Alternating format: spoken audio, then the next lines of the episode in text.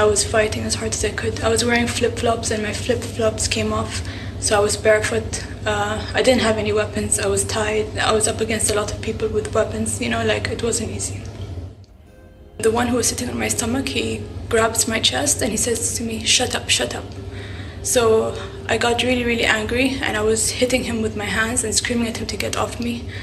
And I was like so, so angry and I just kept fighting with him really, really hard. Like I was really, really, really like struggling a lot. The other Emirati guy told him uh, like get off her, and then he sat on me and he was trying to help the other guy tie up my legs, but I was fighting. And uh, this guy came with a small uh, pouch, like a camouflage pouch, and uh, he took out the needle and he injected me in my arm, and I was like fighting. I was saying, "Don't do that! Don't do that! Don't do that!" When I woke up, the private jet had already landed in Dubai.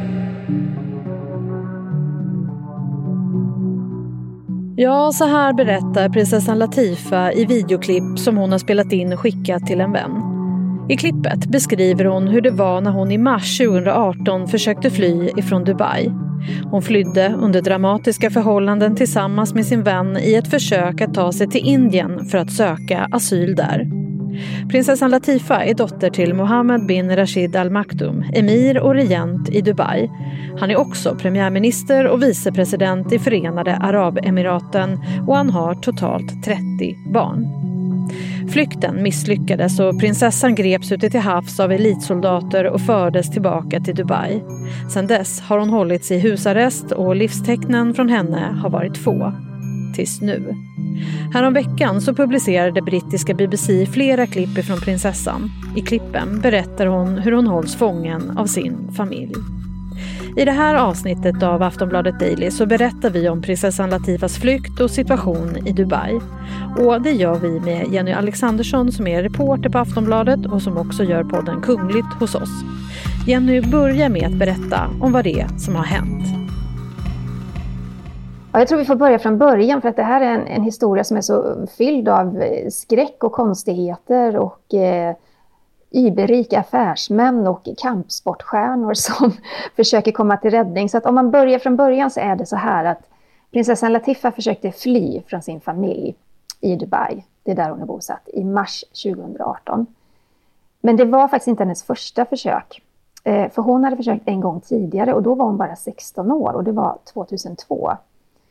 Och orsaken till att hon ville lämna sin familj, det är ju att, som hon säger då, att hon blev svårt misshandlad, hon blev fängslad efter den här första, det första flyktförsöket. Och innan dess hade ju hennes tillvaro varit väldigt hårt beskuren. Och visst, hon hade ju tillgång till fantastiska slott och hus och gym och pool och, och ridhästar och det ena med andra och kunde umgås med sina vänner. Men hela tiden så var hon ju vaktad av personal man skulle kunna tro att leva ett sånt privilegierat liv med all personal, det är fantastiskt. Men det personalen gjorde var ju att kontrollera henne och hon var väldigt, väldigt hårt hållen hemma. Hon hade ingen frihet med andra ord.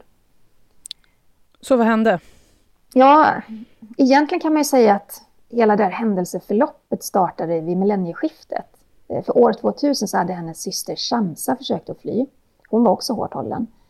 Eh, familjen har ett stort gods i Surrey i Storbritannien och där föder då emiren upp sina tävlingshästar. Han är enormt engagerad i hästkapplöpning och varje sommar så tillbringar då familjen tid i Surrey.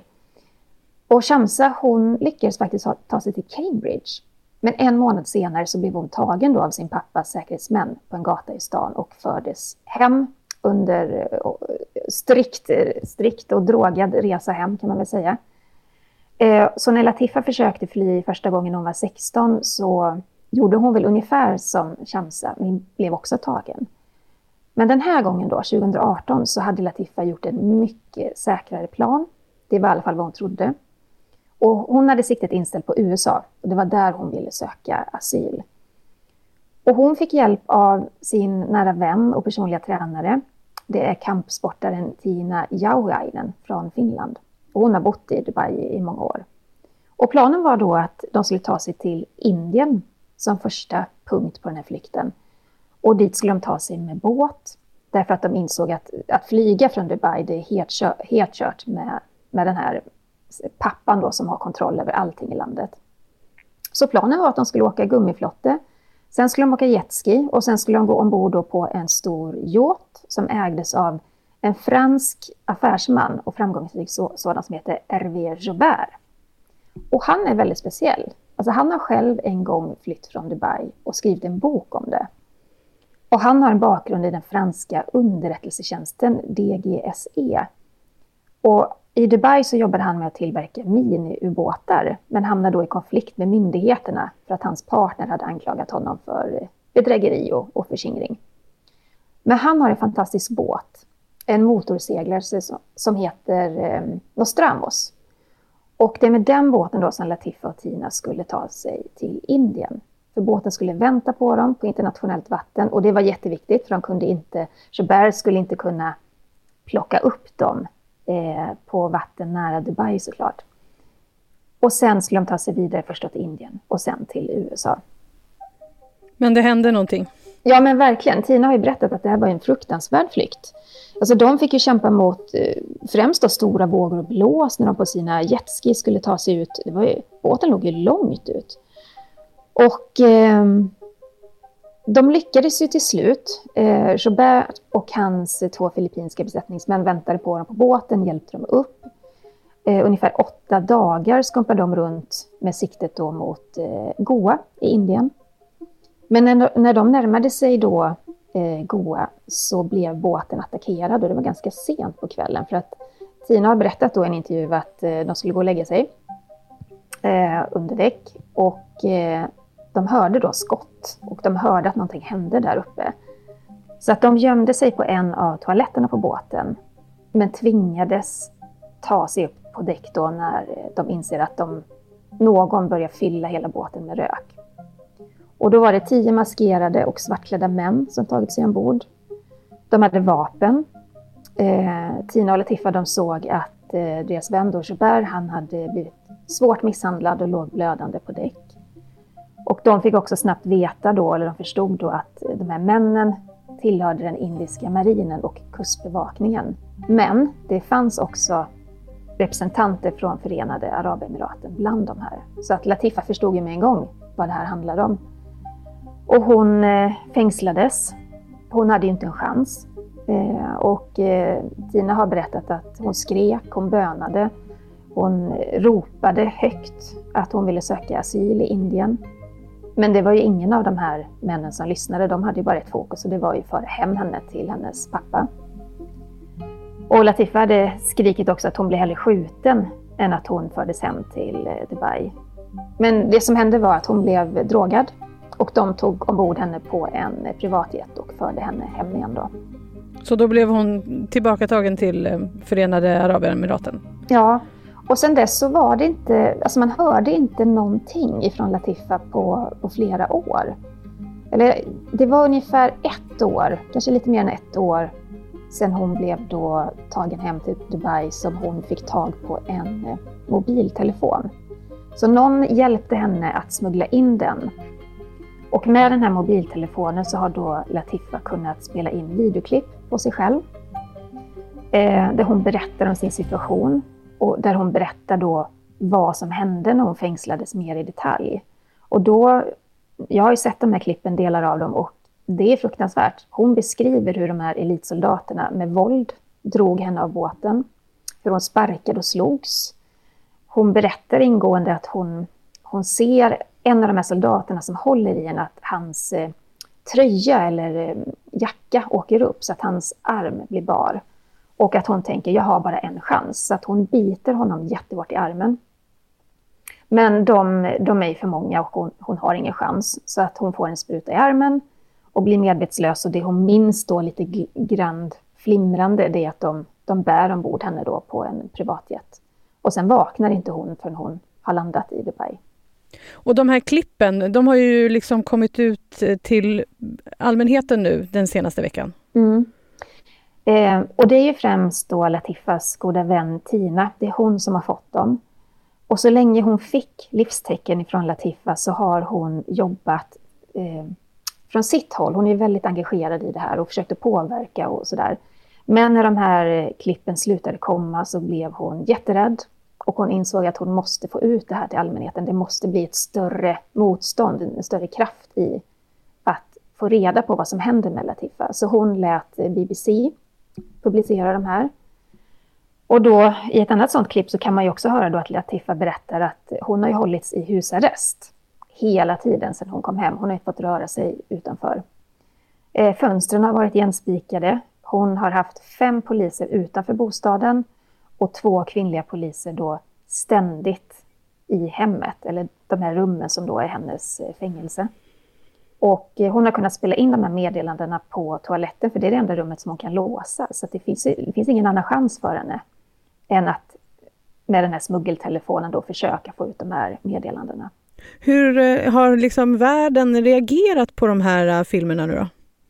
Alltså det har ju varit känt sedan flykten 2018 att hon fördes tillbaka till Dubai. Det har funnits ett puttrande, eh, puttrande protester och särskilt via då Tina som, som verkligen engagerat sig och, och tillsammans med några andra som har försökt att påverka. Eh, men det är ju också så här att nu har FN fått... Eh, FN har varit informerade tidigare, men eh, nu har deras Human Rights Office faktiskt slagit näven i bordet och de har begärt att emiren ska ge världen bevis på att Latifa lever. Eh, än så länge har vi inte fått något svar, så vitt jag vet i alla fall. Och eh, vi vet även att Storbritannien har reagerat.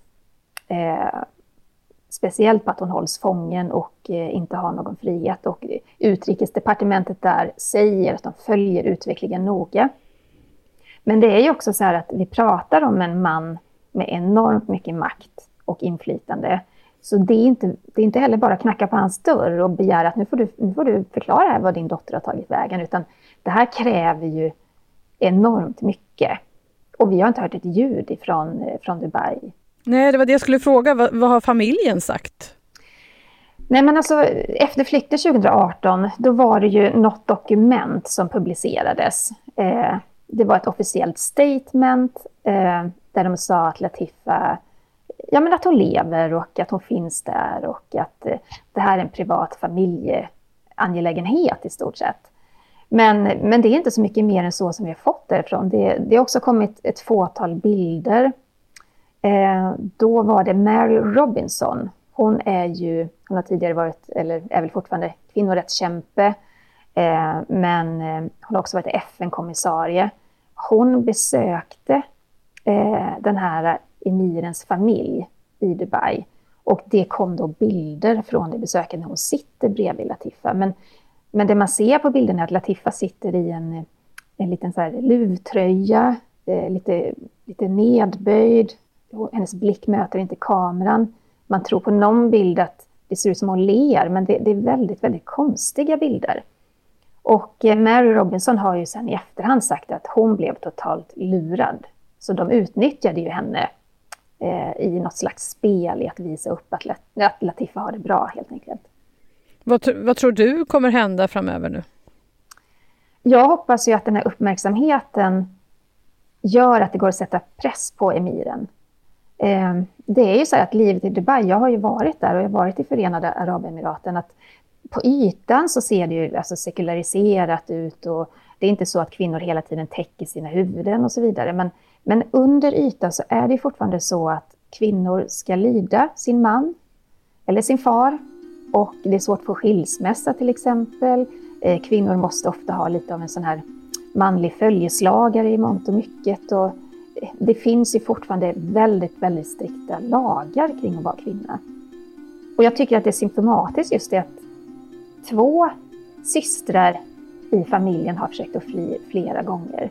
Och det här har ju också en koppling till eh, prinsessan Haya, en av emirens fruar, som faktiskt för något år sedan i panik flydde från Dubai, sökte asyl i Storbritannien och är fortfarande kvar där, men är under stor press därför att han startade en massa rättsprocesser mot henne vad gäller vårdnaden, för hon tog med sig två av barnen och sådär. Så, eh, Eh, det här är ju, jag tycker det säger så himla mycket om emiren och hans makt över familjen och främst då över kvinnorna.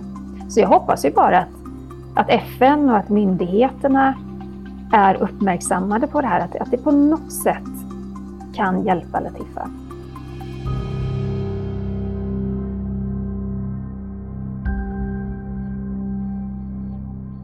Sist här hörde vi Jenny Alexandersson som är reporter på Aftonbladet. Jenny gör podden Kungligt varje vecka med Sara Eriksson där de tar upp allt som händer om den kungliga världen.